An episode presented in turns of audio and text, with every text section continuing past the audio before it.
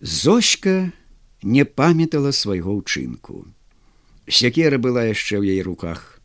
Пальцы моцна ўпіліся ў тапарышча, пабялелі ў суставах. Яна бачыла перад сабою толькі тое, што вось павінна зараз быць. Панскі сабака Макар, нялюбы і агідны, будзе з яе жартаваць, будзе над ёю здзеквацца і гвалтам падцягне на панскі баль. Яго голас, круглы чырвоны твар, сіла над ёю. Цяпер, калі сымонкі няма тут, даводзілі яе да таго, што зуб аб зуб ляпаў. Здавалася ёй, што рот поўны сухога гароху, і яна ніяк не зможа яго выплюнуць. Гарох душыў яе, наганяў пену на губы. Яна хацела яго размалоць зубамі і не магла. Апамяталася толькі тады, калі пачула галошанне маткі. Толькі тады яна заўважыла труп макара, які ляжаў на гліняным памосце тварам да зямлі у лужы крыві. Сякера выпала з рук. Зочка здзівілася і як бы супакоілася, здзівілася таму, што раптам макар так смешна лёг на зямлю, перакінуўшыся цераз парог іхняй хаты. Супакоілася, бо макар яе болей чапаць не будзе.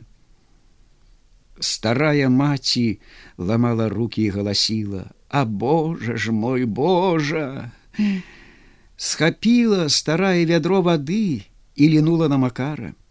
Тармашыла яго, будзіла, нічога не дапамагло. Маці выскочыла на вуліцу: « Ратуйце! Люцы! Люцы добрыя, ратуйце! чула зоська ахрыплы крык маткі. Зоська азірнулася па хаце, агледзела ўсе куткі, не быў першы раз убачыла печ, тапчан, стол, цялушку у загарадцы, зірнула на труп макара у лужы крыві, і руки ў яе павіслі як чужыя. У сэрцы млосна стала, кругі замітусіліся перад вачыма, уся злосць на макара адпала.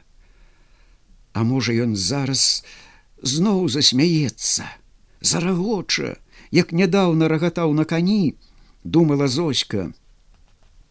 Ратуйце, Люцы добрыя, ратуйце! Лямант маткі, такі роспачны, такі жаласлівы і спуджаны, як тады, калі бацько нябожчыка катавалі ў двары. Зоська тады яшчэ была малая. Гэта было яшчэ пры старым пане. Перад вачыма зоські, як жывы, стаяў нябожчык бацька, нізенькі, худзенькі, з калмачанай русай бародкай. Яго вечна слязлівыя вочы былі заўсёды спалоханыя. Завостраны нос быў бледны і смешны. Зоська не памятае, за што тады бацька правініўся перад панам. Ён бацька тады малаціў. Там жа на гумне яго білі, як прывезлі да хаты нежывога, дык мякінай былі абсыпаны ўсе раны на яго целе. У носе была мякіна, у вушах, між каравых чорных пальцаў, усюды афарбаваная крывёй мякіна, што да хлеба прымешваюць. Гул галасоў чуе зоська з вуліцы, усё бліжэй і бліжэй да хаты. Яна адчувае, што нешта страшнае, страшнае, будзе ёй ад гэтых людзей. Збегліся людзі, разявіліся, На зочку глядзела много вачэй, здзіўленыя, сумныя, вясёлыя, спалоханыя, бліскучыя. Зоська хацела ад іх схавацца, ды не магла. Яна адварочвалася, а вочы пранізвалі яе праз патыліцу, пра спіну. Яна опускала галаву уніз, вочы грамады калолі яе. Яна тарашчыла на іх, нібы на полымі свае бяздонныя і пустыя вочы.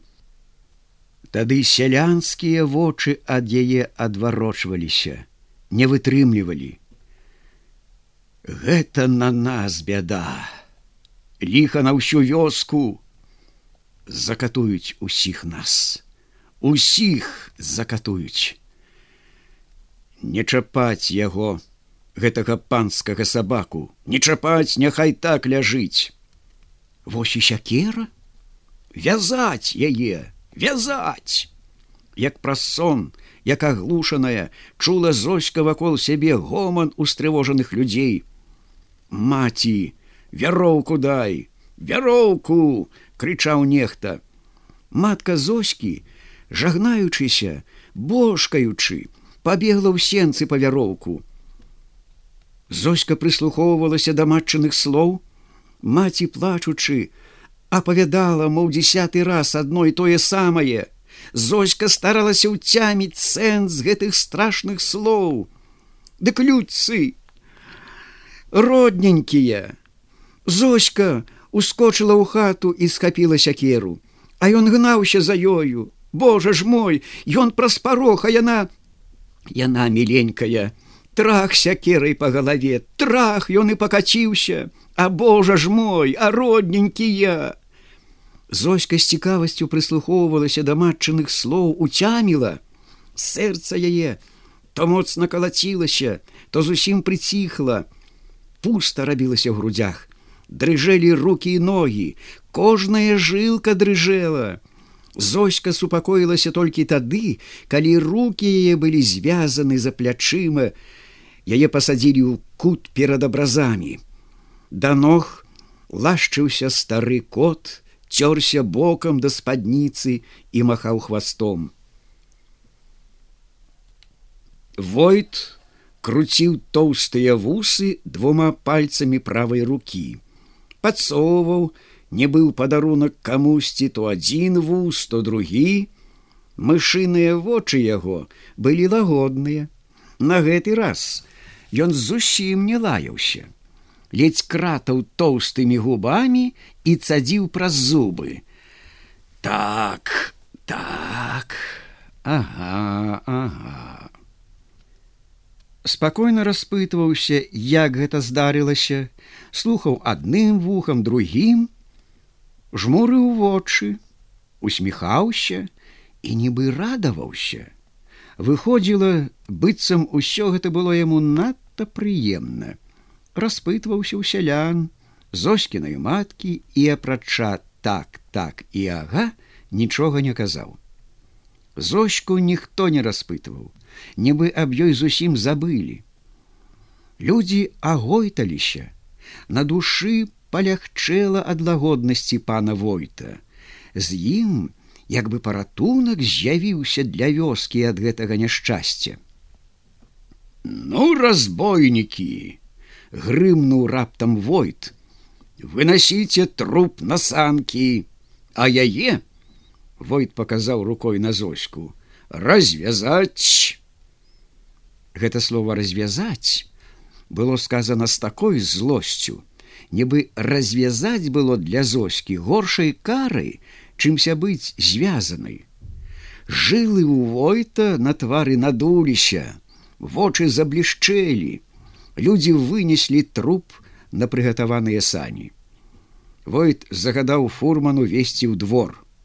Ён вярнуўся ў хату, за руку вывеў адтуль зочку, сам накінуў вяроўку ёй на шыю, прывязаў да аглоблі побач з канём, сеў у сані і ўзяўся за лейцы і пугу.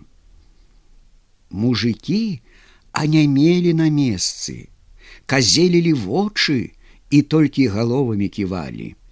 Завойкала загаласіла старая маці зоські: Паночку, паночку, родненькі, даражэнькі, ціха сука, быдла крыкнуў войт і вочы яго наліліся крывёю маўчы ёй будзе холодна паночку кажух кажух дам ёй.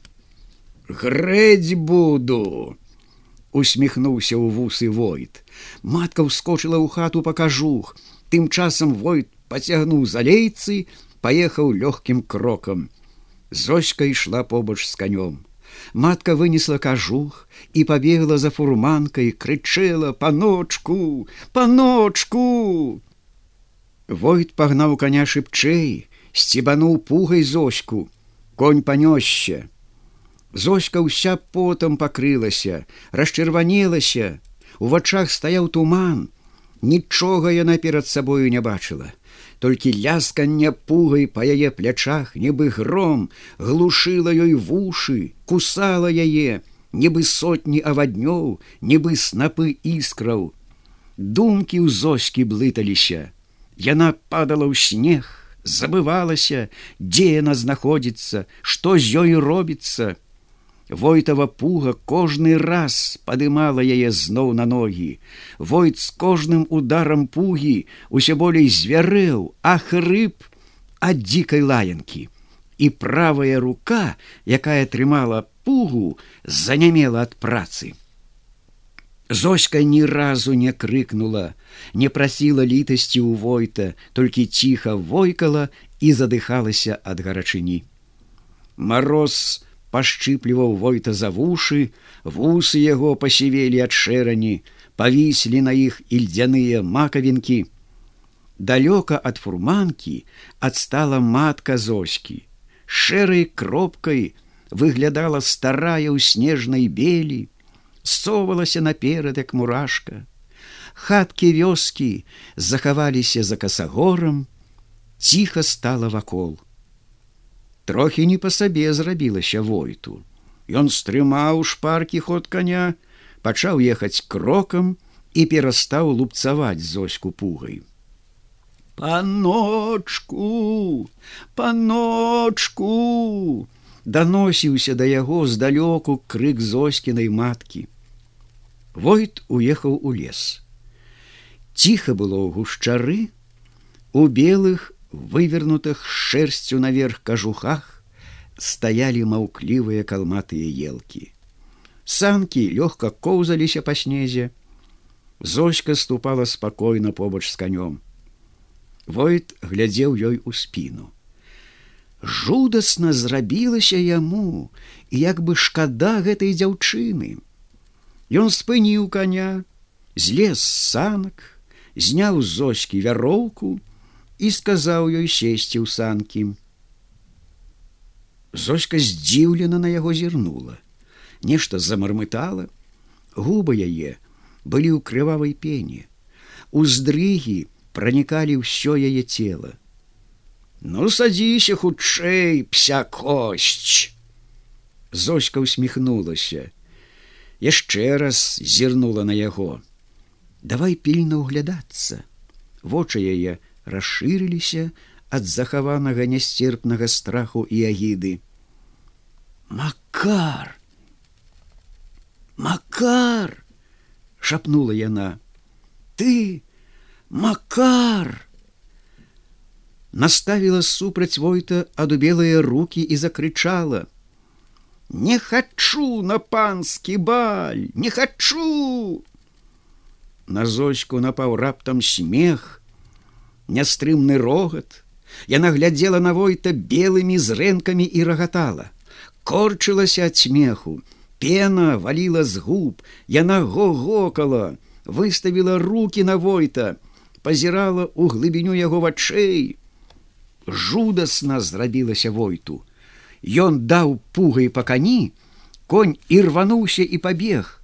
Звар'яцелая зоська засталася ў лесе скажу что яна уцякла подумаў войт